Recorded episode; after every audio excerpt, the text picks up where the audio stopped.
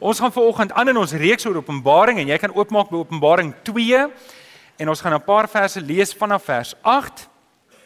En die van julle wat dit gemis het, ons is besig met die sewe gemeentes in Openbaring en uh ons kom nou by die by die by die tweede gemeente, die gemeente Smyrna en ek wil jou elke week herinner ek jou dat wanneer jy Openbaring lees, is dit belangrik dat jy nie Openbaring moet lees asof dit vir ons eerste geskryf is vandag hier en nou nie. Dis eerste geskryf vir die mense daardie tyd. En hierdie sewe gemeentes is is sewe gemeentes wat werklik bestaan het.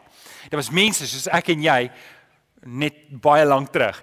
En hierdie mense het selfde uitdagings, selfde frustrasies gehad as ons. En as ek en jy kan verstaan dat Openbaring is eerste vir hulle geskryf en ons moet Openbaring verstaan amper moet jy jouself jy moet jou vooroggend in Smyrna se skoene sit. En ons gee elke keer so 'n bietjie agtergrond dat jy verstaan waar die daai gemeente gegaan het en as jy Openbaring met daai idee lees, gaan 'n klomp goed sin maak wat andersins nie vir ons sal sin maak nie. So met dit in gedagte, as jy een preek gemis het, dan wil ek jou vra, Rian sit vir ons die video's op YouTube en ehm um, teen 12:00 is die eerste preek al op die internet, so jy kan dit luister. Maar jy weet hoe hulle altyd gesê het, it's always better on the big screen. So dis beter om hier te wees, nê. Nee. Ehm um, Openbaring 2 vanaf vers 8. Ons kyk na die gemeente Smyrna. Skryf aan die leraar van die gemeente in Smyrna. So sê die eerste en die laaste wat dood was en wat weer lewend geword het. Ek ken julle verdrukking en julle armoede en tog is julle ryk. Ek weet ook van die kwaadstokery van die mense wat daarop aanspraak maak dat hulle Jode is en dit nie is nie, maar tot die sinagoge van die Satan behoort. Moenie bang wees vir wat julle alles gaan ly nie. Kyk, die duiwel gaan party van julle in die tronk laat gooi sodat julle in beproewing sal kom en julle sal 10 dae lank baie swaar kry. Bly getrou tot die dood toe en ek sal julle die lewe as kroon gee. Elkeen wat kan hoor, moet luister na wat die Gees vir die gemeente sê. Die wat die oorwinning behaal, sal beslis nie deur die tweede dood getref word nie. Nou uh Madeleine, as jy net vir ons die kaart kan opsit. Ek wil net vir julle wys waar Smyrna. Smyrna, die stad Smyrna was 'n redelike ryk, skatryk uh, hawe dorp gewees, stad gewees en dit was een van die belangrike uh, uh, handelsroetes wat daar gekom het. As jy hom nou kyk, hierdie kaart is 'n eenvoudige kaart, maar as jy nou op die wêreldkaart gaan kyk hoe hy vandag lyk, sê jy mooi sien, daar's baie eilande en om van die boonste kant af te kom af na Efese toe was baie keer moeilik, so hulle het sommer by Smyrna um vasgemeer en dan het hulle baie van hulle besigheid daar gedoen. En dit was ook 'n distribusiepunt na die res van Klein-Asië wat ons vandag ken as Turkye. En so dit was 'n baie ryk gemeenskap gewees.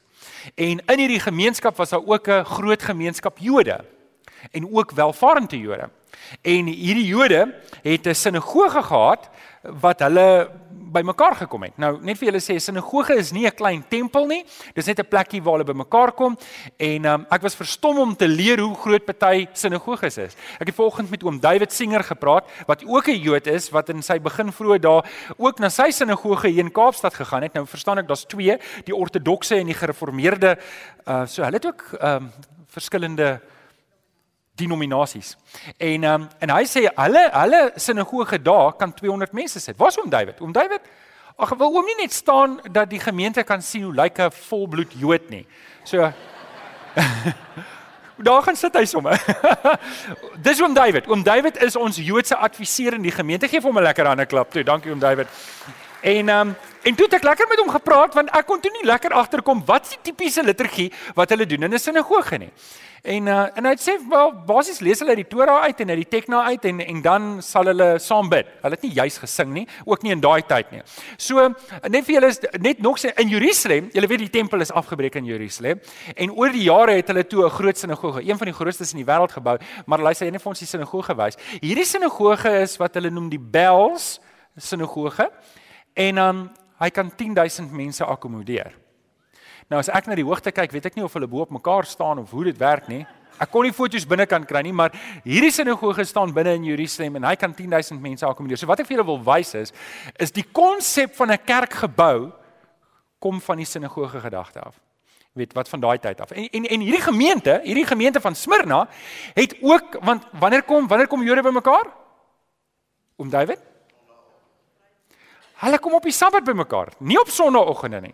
Julle moet verstaan, Christene kom bymekaar op Sondagoggende omdat Jesus opgestaan het op 'n Sondag. Dis hoekom. En ons lees so vroeg soos in Handelinge 20 vers 7 lees ons en die Christene het op die dag van die Here, die Sondag bymekaar gekom en Paulus het hulle toegespreek. En en daar was 'n praktiese reëling daai uit want Die Jode kom nie op 'n Sondag bymekaar nie. Dis die eerste dag van die week. So by the way, net dat jy weet, Sondag is nie die sewende dag van die week nie. Dis nie 'n Sabbat nie. Dit is Die Sabbat is die Vrydag aand tot Saterdag aan. So net net dat julle daai weet dat hulle het juis op die Saterdag Sondagoggend bymekaar gekom. Um en dan kon hulle die sinagoges gebruik het van die al die sinagoges het leeg gestaan. So wat julle moet verstaan is een van die goed wat ek en jy moet verstaan is ek en jy sien Sondag as 'n lekker sit jou voete op die bank en ontspan na kerk en eet lekker skaapbout. As ek sê Sondag dink niemand aan harde werk nie. Maar 'n Sondag was die eerste dag van die week. Verbeel jouself Maandag, wie van julle hou van Maandag? Nou dit was hulle Sondag. Sondag was 'n werksdag vir hulle gewees. So ek wil net hê dis dalk 'n kopskuif om dit te maak om te dink, o, jene, so hulle het nie afgehaat op Sondag nie. Nee, hulle het gewerk. Hulle het gewerk en en en en hulle het kerk toe gegaan, sinagoge toe gegaan. Hierdie gemeente het na die sinagoge toe gegaan. Hoe groot die sinagoge is, weet ons nie, maar Smyrna was 'n welvarende, so dit behoort een van die groter sinagoges te gewees het. So julle kan sien hoekom identifiseer ek met hierdie gemeente. Hulle was 'n sinagoge kerk en ons is 'n skoolsaalkerk. Altyd begin met se, hoor julle. nou, ehm um, daar was wel 'n probleem in hierdie dorp. In hierdie dorp van Smyrna, in hierdie stad van Smyrna was daar 'n probleem en en en en die groot probleem was vir baie lank het die gemeenskap, het die mense gedog die Christene is 'n afsplintering van die Jode. Het gedog is 'n Joodse sekte. Weet, so met ander woorde, hier's die hier's die Jode en dan was die Christene half en half 'n beweging binne in die die Jodendom. En en die Jode wou nie hierdie negatiewe publisiteit gehad nie, want die Christene was 'n klomp rebelle. Daar wil hulle kom verkondig die evangelie en hulle krap almal om en hulle maak almal kwaad want mense kom tot bekering en en hulle wil nie die keiser aanbid nie en onthou die Jode was vrygespreek van om die keiser te aanbid. So hier's heidene wat tot bekering kom en dan wil hulle nie meer die keiser aanbid nie en dan sê hulle, "Wow, wow, wow, wow. Hierdie Joodse storie werk nou nie meer uit nie." Weet, en die Jode was bang hierdie voorreg van om nie die keiser te aanbid nie, gaan van hulle weggeneem word. So wat hulle te doen is, hulle skop die Christene uit. So, raai wat doen hulle toe? Die Christene kom Sondagoggend by die sinagoge en die deure is gesluit. En en en die Jode sê sorry, julle is nie meer welkom hier nie. Julle moet maar nou 'n ander plek gaan hou kerk onder 'n boom as julle wil. En en dit was 'n probleem. Julle kan julleself indink. Verbeel julleself julle het ver oggend hier gekom en ons staan buitekant en die plek is toegesluit en hulle laat ons nie in nie. Dink julle dit sal effens van 'n probleem gewees het? OK. Kenneth sou baie moeilik gesing het daar in die straat, maar so, OK. As dit gebeur, hou ons 'n openlig diens hier in die parkeerarea. Né? Nee? Amen. Ons hoop nie dit gebeur nie, maar dis wat met hierdie ouens gebeur het. Hierdie ding is 'n groot groot krisis. En so, maar dit was net die begin van die vervolging. Want onthou nou, toe dit eers die woord uit is dat dit is nie 'n afsplintering van die Jode nie. Hierdie is heeltemal 'n aparte beweging. Toe's almal van O, nou het ons 'n groot probleem, want ons het hierdie groot groep mense in die gemeenskap wat nie meer die afgode wil aanbid nie, wat nie meer die keiser wil aanbid nie. En toe begin die vervolging. Eerste ding wat gebeur is die gemeenskap sê, "Is jy 'n Christen?" "Wel, sorry, ek kan nie vir jou werk gee nie." "So sorry, Dion, jy sit sonder werk." En so het 'n groot deel van die kerk sonder werk begin sit. So hulle het baie vinnig verarm. En en en dit was nie al nie. Hulle was toe hulle hulle was toe fisies begin vervolg. Hulle dit het begin deur bespotting. Die mense het met hulle gespot. O, daar's die Christene. Bly weg van hulle af. Ons doen nie besigheid met hulle nie. So die Christene in daai stad het baie vinnig agteruit gegaan. En jy kan dink hoe mense onder die versoeking was om om um weet jong gelowiges om hulle geloof op te gee want want verbeel jouself jou kinders gaan sonder kos. Hierdie mense het daai daai tipe vervolging gegaan. En um kort voor lank was hulle in die tronk gegooi. En ek weet nie wie van julle die storie gehoor van Polycarpus nie. Wie van julle weet wie is Polycarpus? Kom ek vertel julle gou-gou van Polycarpus. So Johannes wat hier skryf, het 'n disipel gehad met die naam Polycarpus. Polycarpus het hoe groot geword en hy het toe die predikant geword van hierdie gemeente in Smyrna. Hy was die predikant daar. En op die piek van die vervolging Toe gryp hulle vir Polycarpus want dis wat as jy wil hê, as jy wil hê die draak moet doodgaan, kap die kop af, né? Daai gedagte. En hulle het gedink wel as ons Polycarpus doodmaak voor almal, dan gaan die kerk doodloop. En hulle het Polycarpus in die stadsplein toe gevat en hulle vir Polycarpus gesê: "Vloek Jesus in die teenwoordigheid van ons almal en sal jou laat lewe." Natuurlik, wie wil nou sterf? En hulle het aanvaar hy sal dit doen. Hy sal sy geloof afsweer in Jesus. En en en en en en, en hy het nie. Hy, hy hulle het hom toe op die brandstapel gesit en hulle het hom in die brand gesteek. En terwyl die vlamme hoog brand, toe gebeur daar 'n vreemde ding. Die vlamme wil nie aan die ou raak nie. Hy staan daar binne in die vlamme. Dis opgeskryf in die geskiedenis. Hy staan daar binne in die vlamme en die vlamme raak nie aan hom nie. En natuurlik soos die verbasing groei en mense sê maar weet half en half, maar dan moet Polycarpus se God regtig bestaan. Dit van die mense wat wat daar rond was baie kwaad geraak en hulle het 'n dolk gevat en deur sy hart gesteek. Was spies of 'n ding deur sy hart gesteek en hy is dood. OK. Maar dis nie dit wat so groot indruk laat nie. Dis wat hy gesê het voordat op die brandstapel gesit het gesit is. En hy en, en ek wil sy woorde aanhaal. Dis nou oorvertaal in Afrikaans wat hy sê vir 86 jaar het ek Christus gedien en nog nooit het hy enigiets slegs aan my gedoen nie. Hoe kan ek dan my koning wat my gered het vervloek? En dan gaan hy verder. Hy sê ek prys Christus omdat hy my waardig geag het om as 'n martelaar vir hom te sterf.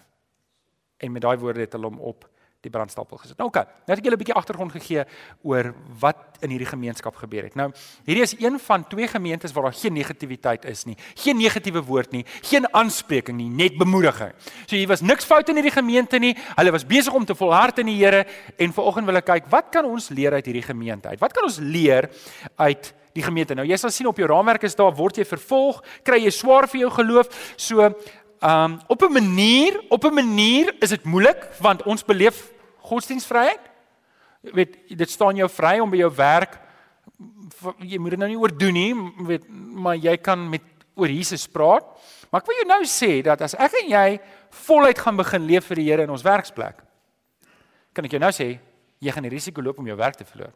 Tensy jy 'n predikant is want dit word van jou verwag om dit daar te doen. Maar ek kan jou nou sê jy gaan begin moeilikheid kry wanneer jy voluit leef vir die Here en jy probeer elke ou evangeliseer. Jy gaan jou werk verloor. En dis wat in hierdie gemeente gebeur het ook. Hulle het hulle werk verloor. Maar ek wil ook vir julle sê dat daar is mense wat vervolging beleef in ons gemeente. Hier's onderwysers wat worstel met hierdie ding. Onderwysers met wie ek praat wat wat hulle word belet om die Bybel te lees by hulle skole. Hulle word belet. Eh, tannie Meisie daar agter. Sy sy is 'n onderwyseres. 'n Paar van julle onderwyseresse het al met my gepraat van die skool sê julle mag nie, maar julle doen dit in elk geval want julle weet nie wie gaan Jesus met hierdie kinders deel nie. En en hulle loop hier risiko om hulle werke te verloor. Hulle gaan smir na beleef.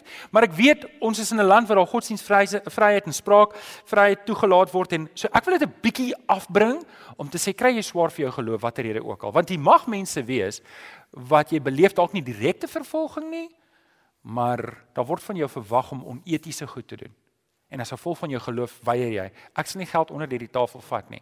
Ek gaan nie doen wat mense van my verwag nie. Ek is te lief vir Jesus. En as dit jy is vanoggend, wil ek 'n bietjie met jou praat. Ek wil jou bemoedig. OK, so wat is die eerste ding wat ons by hierdie gemeente kan leer in moeilike tye, tye van vervolging, tye waar ek moet swaar kry vir my geloof? Nou, ek dink ek dink nie nou al nie. Ek dink nie nou al nie. Ek dink nie nou al is gaan ons doodgemaak word vir ons geloof nie. Dit lyk vir my ons land sal liewer aan die ander kant gaan, dieselfde rigting wat Europa gest gestap het en vriende, en dis hartseer wat in Europa gebeur, wat in Australië besig om te gebeur is dat luister, jy kan glo wat jy wil, moet net nie 'n nuisance wees nie. En die kerk gaan outomaties as gevolg van dit dood. Weet julle die beste ding wat met die kerk kan gebeur, wil julle raai wat is dit? Dis vervolging. Dis wanneer daar wanneer daar eh, ek weet nie of jy ooit 'n petrolvuur gehad het en dit probeer blus het met water nie. Alwer doen is as jy versprei dit net. En dis wat met die kerk gebeur het as daar vervolging gebeur. So wat is die eerste ding wat ons wat ons leer by hierdie gemeente? Die eerste ding wat ek wil hê moet op jou raamwerk skryf is is Jesus weet waar jy gaan. Jesus weet waar jy gaan. Hy weet waar jy is. Hy hy weet wat by jou werk aangaan. Ons sê dit gereeld. Hy weet wat in jou beursie aangaan. Hy weet wat in jou verhouding aangaan. Hy weet wat in jou huwelik aangaan. Hy weet hy weet waar jy is vandag. Hy weet die dinge wat jou omkrap. Hy weet die dinge wat jou seermaak. Hy weet waar jy ongelukkig is vanoggend. Hy hy weet dat as jy vanoggend dalk met 'n smile ingestap het, maar hy weet in jou hart is dit nie lekker nie. En ek weet dit dalk nie. Jou man of jou vrou weet dit nie. Jou kinders weet dit nie. Uh maar jy weet dit. Jy weet dit. Jy's nie op 'n lekker plek nie. Die Here weet dit. Vers 8 tot 9. Skryf aan die leraar van die gemeente in Smyrna. Die Here sê ek het 'n woord vir julle. So sê die eerste en die laaste wat dood was en wat weer lewend geword het. Ek ken julle verdrukking en julle armoede en tog is julle ryk. Ek weet ook van julle van die kwaadstrokery van die mense wat daarop aanspraak maak dat hulle Jode is en dit nie is nie, maar tot die sinagoge van die Satan behoort. Okay, nou as dit reeds is hierdie hierdie gemeente in Smyrna het swaar gekry want hulle was verwerp, hulle was bespot en hulle was daar was kwaadstokery teenoor hulle en ek wil dit tog ek wil dit tog huis toe bring na ons vandag want want op 'n manier is hierdie 'n moeilike moeilike gemeente om oor te preek omdat niemand van ons is in die tronk gegooi vir ons geloof nie. Niemand van ons word reg openlik vervolg nie. Maar dit mag wees dat jy hier sit en jy kry regtig swaar. Jy kry regtig swaar waar jy is. En en ek wil vir jou vanoggend aanmoedig, jy die Here weet van jou. Hy hy weet van jou en hy hy hy hy, hy weet van ons situasie. Hy hy weet, luister, as jy onsekerheid beleef. Iemand sê nou ja vir my die beste wat ons kinders kan doen is om met land uit te gaan. En dan ek raak koud as ek daaraan dink. Ek raak koud om, om te dink my kind moet in 'n ander land gaan werk omdat daar dalk nie geleenthede is nie. Ek ek raak iemand sê in die week die rand gaan verswak na R20 toe. En dan dan dan gee my hart 'n ekstra bons om te dink, "Jene, wat gaan van ons word hierso? Wat gaan van ons word hierso?" En en vriende, die Here weet hierdie dinge. Die Here weet van jou besorgdhede en jou bekommernisse. En en en dit moet vir ons troos bied net daar.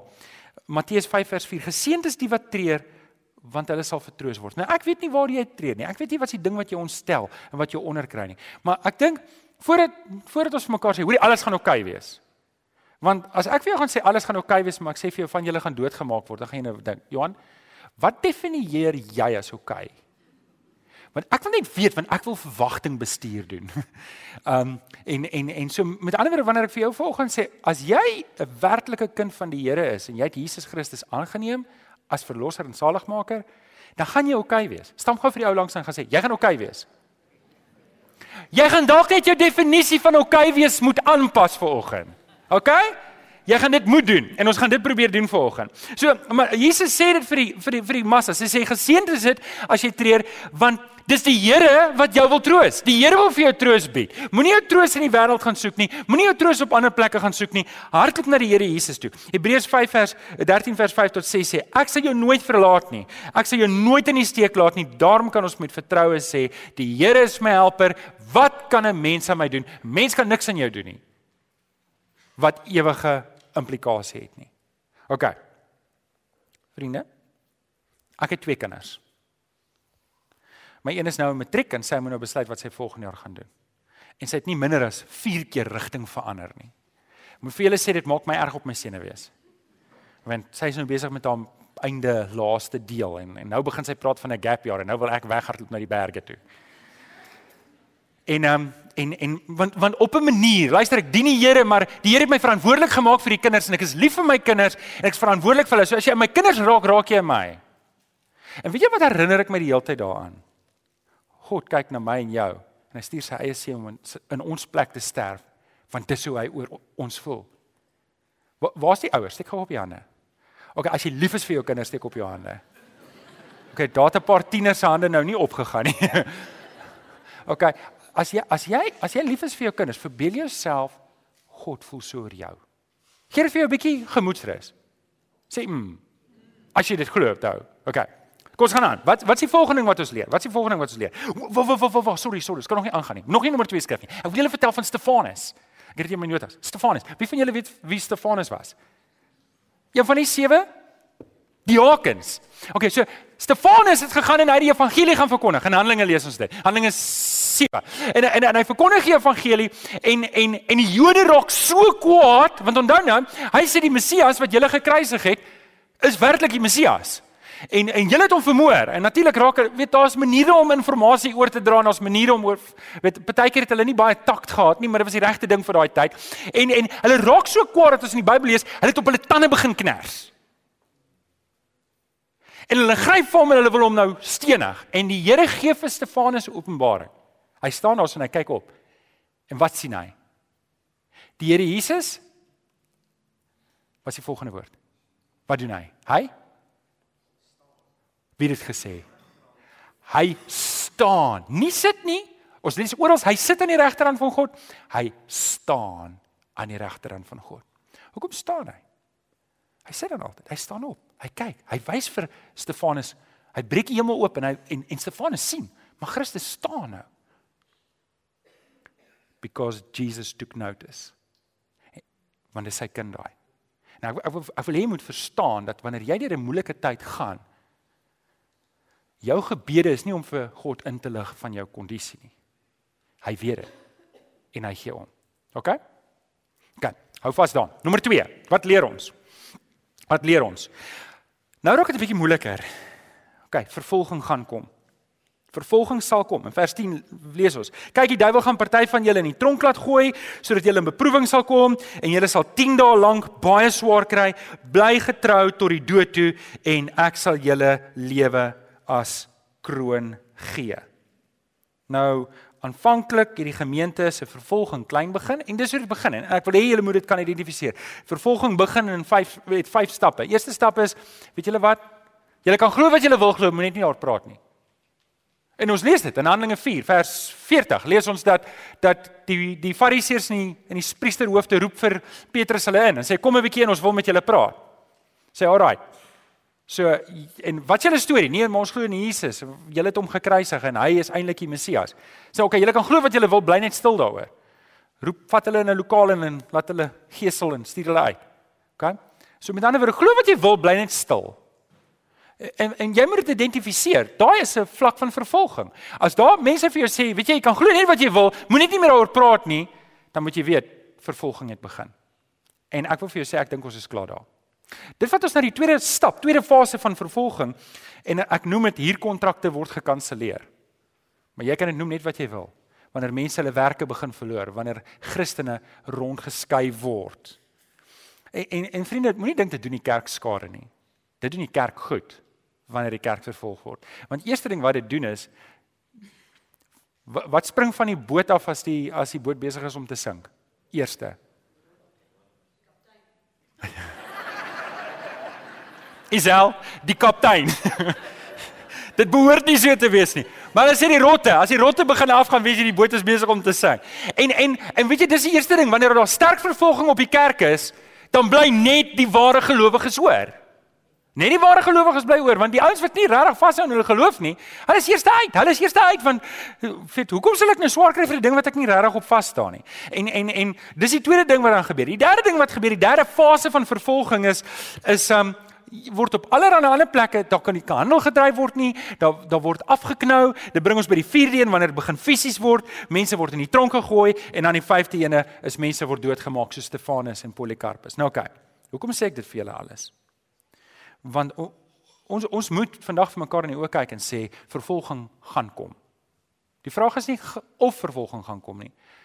Die vraag is wanneer gaan dit kom en is ek en jy reg daarvoor? Sal ek bly staan in my geloof as dinge begin moeilik raak? Of sal ek by eerste fase al uitval om te sê, weet jy wat, ek gaan net stil bly oor my geloof en niks sê nie, gaan nie stuur nie, ek gaan nie moeilikheid maak nie. Wanneer val ons uit? Dan val ons uit. OK, die derde ding wat ons kan leer by hierdie gemeente wat die Here vir hulle sê is moenie bang wees nie. Moenie moenie bang wees nie. Vers 10 sê moenie bang wees vir wat julle alles gaan lei nie. My ondervinding is die gemiddelde Christen is bang om oor die Here te praat. Nie omdat hy nie lief is vir die Here nie, maar omdat hy bang is die mense gaan vir hom beledig. Omdat hy bang is, mense gaan hom 'n vraag vra wat hy nie kan antwoord nie. Omdat hy bang is en die disippels het dieselfde gaan. Dis hoekom die Here Jesus vir hulle sê, moenie bekommerd wees oor wat jy gaan sê nie. Ek sê vir die woorde in die uur gee wat jy dit nodig het. Wees jy net getrou en maak die mond oop en praat oor die Here. En en vriende, ek wil julle uitdaag om te begin praat oor die Here. Eh, eh, maak jouself oop om vervolg te word. En en wees bly as jy vervolg word want dis die grootste voorreg. OK? Moenie bang wees nie. Moenie bang wees vir vervolging nie. Vers 10 sê, moenie bang wees vir wat julle alles gaan lei nie. Gaan julle lei, julle gaan beslis lei. Onthou ons het nou gepraat van dalk moet ons die herdefinisie van ook moet ons okay wees herdefinieer. Onthou julle. Maar ek en jy moet dit herdefinieer. Met die volgende punt gaan ons dit verder doen. Maar ek wil dalk net eers 'n bietjie stil staan hierso. 2 Timoteus 1 vers 7. Ek weet nie of op die raamwerk is nie. Maar skryf hom net weer neer as hy nie daar is nie. 2 Timoteus 1 vers 7 sê want God het ons nie 'n gees van vreesagtigheid gegee nie, maar van krag, liefde en selfbeheersing. Wanneer ons deur vervolging gaan vir ons geloof, doen dit twee goed. Eerstens, dit skei die ware gelowiges van die skyngelowiges. Maar aan die ander kant wys dit vir die mense ons geloof is eg. Ek wil nou sê, ons wil wonderwerke hê, want ons dink wonderwerke gaan mense oortuig. Wonderwerke oortuig nie mense nie. Jesus voer 5000 mense. Hy doen dit twee keer. Hy wek 'n dooie man Lazarus uit die dood uit op. Wel dis 'n pretty well wonderwerk. Stem julle saam? OK? Hy gaan en hy doen al hierdie wonderwerke. Hy maak wyn uit water uit. Hy hy wek 'n dogtertjie uit die dood uit op Talita kom, julle onthou dit. En dan in 'n kort tydperk, daarna skree almal kruisig hom. Eh, die die gejaag na wonderwerke, veral in ons in die kerke wat vandag baie lief daarvoor is om te sê, ja, maar kom kyk al hierdie mense wat opgestaan het. Daai is nie volhoubare geloofwekkers nie. Weet julle wat is? wanneer hulle wanneer 'n Polikarpus sê ouens ek kan nie my geloof afsweer nie ek is te lief vir Christus julle sal my moet doodmaak dan die mense wat daar tot bekering kom dis die ouens wat weet waarvoor hulle in is jy kan gaan kyk reg hierdie geskiedenis. Is nie wonderwerke wat mense in die geloof hou nie. Dis mense wat sterf vir hulle geloof. Sê gou-gou vir my wat het Christus nou wat het ons na Christus toe getrek? Sy wonderwerke of die feit dat hy gesterf het? Die feit dat hy in die kruis gesterf het, dis nie sy wonderwerke wat ons red nie, dis die feit dat hy vir ons sonde gesterf het. Dis wanneer ons sterf vir onsself en bereid is om te sterf vir die Here Jesus wat ons mense na Jesus toe trek. Amen. Amen. Daarom moenie bang wees nie. Moenie bang wees vir vir vir dit wat kom nie. Die Here wil die Here gaan vir ons help. Weet julle, dis wanneer ek wanneer het jy 'n kers nodig? Moet asseblief nie sê vir 'n romantiese ete nie. Vir load shedding, nê? Nee. Ja, net so. Dankie Jody. O, ons het ek nou weet julle wat? Ek het twee kersse daar by my huis gehad. Ek wou dit saambring en toe dog ek ek het dalk nie ek het ek dalk nie tyd om om uh, dit met julle te deel nie, maar ek sien werklik ek het nie tyd nie. Ehm um, maar my vrou het 'n klomp kersse by die huis. Maar dis ornamentele kersse. Sy wil dit nooit aansteek nie. Nou wat help so kers nou? Kyk, jy moet hom aansteek. En ehm um, weet julle wat nê, nee, selfs hierdie teekersies, julle weet hierdie klein teekersies, Ons het een keer 'n jaar het ons so herdenking Sondag, dan beland al daai kersies in 'n boks by my huis. En dan as load shedding, dan onthou ek nou, waar is daai boks nou? Ek gaan haal ek dit uit. Dan is die hele huis vol teekersies. En jy kan nie glo baie lig maak daai klein kersie. Baie van daai klein kersies maak 'n klomp lig. En toe dink ek nou nogal, "Wag, hierdie is nie ornamente nie, hierdie is regtig kersies." En veel volgende vra, is ek en jy 'n ornamentele Christen? Of is ons besig om te brand vir die Here? As ons brand vir die Here, wat gebeur met 'n kers as hy lank genoeg brand? Hy brand uit. Daar's niks van hom oor nie. En die uitdaging wat ek en jy vir mekaar moet rig is, is ek bereid om uit te brand vir die Here sodat ander gered kan word? Of wil ek wil ek liewer 'n ornament wees, maar as dit donker is, is daar geen lig in my nie. Ek help niemand niks nie. So ek en jy moenie bang wees vir die vervolging wat vir ons kom nie. Ek wil hê ons moet kersse wees wat brand vir die Here. Amen. Amen. En dit bring ons by die laaste ene. Dit bring bring ons by die laaste ene. Onthou die ewige beloning. Onthou die ewige beloning. Vers 2 uh hoofstuk 2 vers 11 sê, ek begin met vers 8. Skryf aan die leraar van die gemeente in Smyrna, so sê hy, die eerste en die laaste hy was dood en hy's weer lewend geword het. Sê skryf Die wat die oorwinning behaal sal beslis nie deur die tweede dood getref word nie. En die Here Jesus maak dit duidelik vir almal wat in hierdie geloof is dat ek en jy is nie in hierdie lewe vir hierdie lewe nie. Ek en jy is nie veronderstel om in hierdie lewe vas te klou nie. Hierdie lewe is nie ons prys nie. En daarom kan ons nie lewe asof hierdie lewe die prys is nie. Ek kan nie my lewe instel om te sê, "Wel, ek gaan soveel as moontlik speelgoed bymekaar maak in hierdie lewe." Asof daar niks wat is wat hier navolg nie. En en en en dit is wat Jesus vir hulle sê. Onthou nou, hierdie ouens is gestroop van alles. Hierdie ouens is gestroof van alles. En en en verbeel julleself, verbeel julleself en die Here behoede dat dit gebeur, maar ons almal verloor alles. Het ek my geloof verloor? Kan julle dink wat se hoop bied ons dan as mense sien, weet jy wat al verloor ek alles, ek sal in Jesus vashou, selfs al verloor ek my lewe. Onthou die beloning, onthou ons prys. Die Here roep ons vir 'n hoër prys. Ek ek ek wil ek wil afsluit met 'n paar gedagtetjies. Ken of jy kan opkom. Kan ek kan ek kan ek gou mooi vra om net hierdie woorde mooi te hoor. En ek het gedink hoe gaan ek dit formuleer, maar jy gaan hoor wat ek probeer sê. Hoor gou hierdie woorde. Niemand kan gered word as ek stil bly oor Jesus nie. Niemand kan gered word as ek stil bly oor Jesus nie. Niemand kan vervolging vryspring as hy sy mond oopmaak oor Jesus nie. Jesus sê as hulle my vervolg het, gaan hulle julle ook vervolg. Paulus sê Almal wat toegewy aan Christus wil lewe, sal vervolg word. En en vriende, ek weet ons lewe in 'n tyd waar daar geloofsvryheid is. Maar ek ek moet myself hierdie vraag vra. Beleef ek vervolging? En as my antwoord nee is, ek beleef geen vervolging, dan moet ek die vraag vra maar hoekom nie? Hoekom beleef ek nie vervolging nie? Hoekom is dit sodat ek geen vervolging beleef nie? Nou, as ons kan sê eerlik, maar weet ek lewe voluit vir die Here en ek deel die evangelie met almal en ek kry geen vervolging nie, so ons prys die Here. Maar as die antwoord is want ek plaas my nie op plekke waar ek moontlik vervolg kan word nie. Ek vertel niemand van Jesus nie. Ek lewe so op 'n manier ek's 'n ornamentele kers. Ek is in die donker, as dit donker is, is ek ook donker, as dit lig is, is ek ook lig. Maar ek is 'n kers. Al die potensiaal is daar, maar dan moet ek vir myself voor die Here gaan sê, Here, is hierdie geloof wat ek in U het eg? En vriende, miskien kan ek dit net 'n bietjie omdraai. Miskien is jy hier en jy word vervolg. Onthou julle laasweek het ons 'n getal geskryf op die raamwerk? Jy vra met weet te skryf. Skryf gou-gou weer op die raamwerk. 2120. 2120. Verbeel jy dis daai jaar iemand het op die internet my gekontak en gesê, "Johan, wat bedoel jy? Voorspel jy die eindtyd?"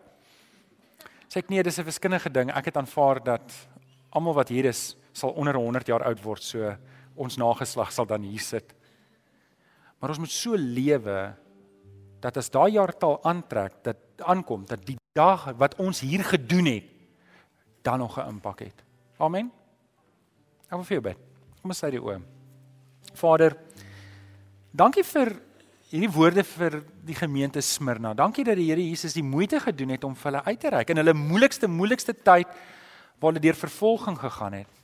Here, dankie vir 'n Polikarpus wat wat gesê het, maar ek kan nie my geloof afsê in Christus nie. Ek kan dit nie. Dit is net te kosbaar vir my. Vader, wil U nie deur die Heilige Gees ons kom inspireer dat ons daardie gesindheid sal hê. My prys is nie op aarde nie. My prys is in die hemel. Daarom kan ek nie stil bly nie. Here kom help vir ons dat as ons vervolging moet verduur, dat ons soos Polikarpus sal sê ek dank my God dat hy my waardig ag om vervolg te word vir my geloof.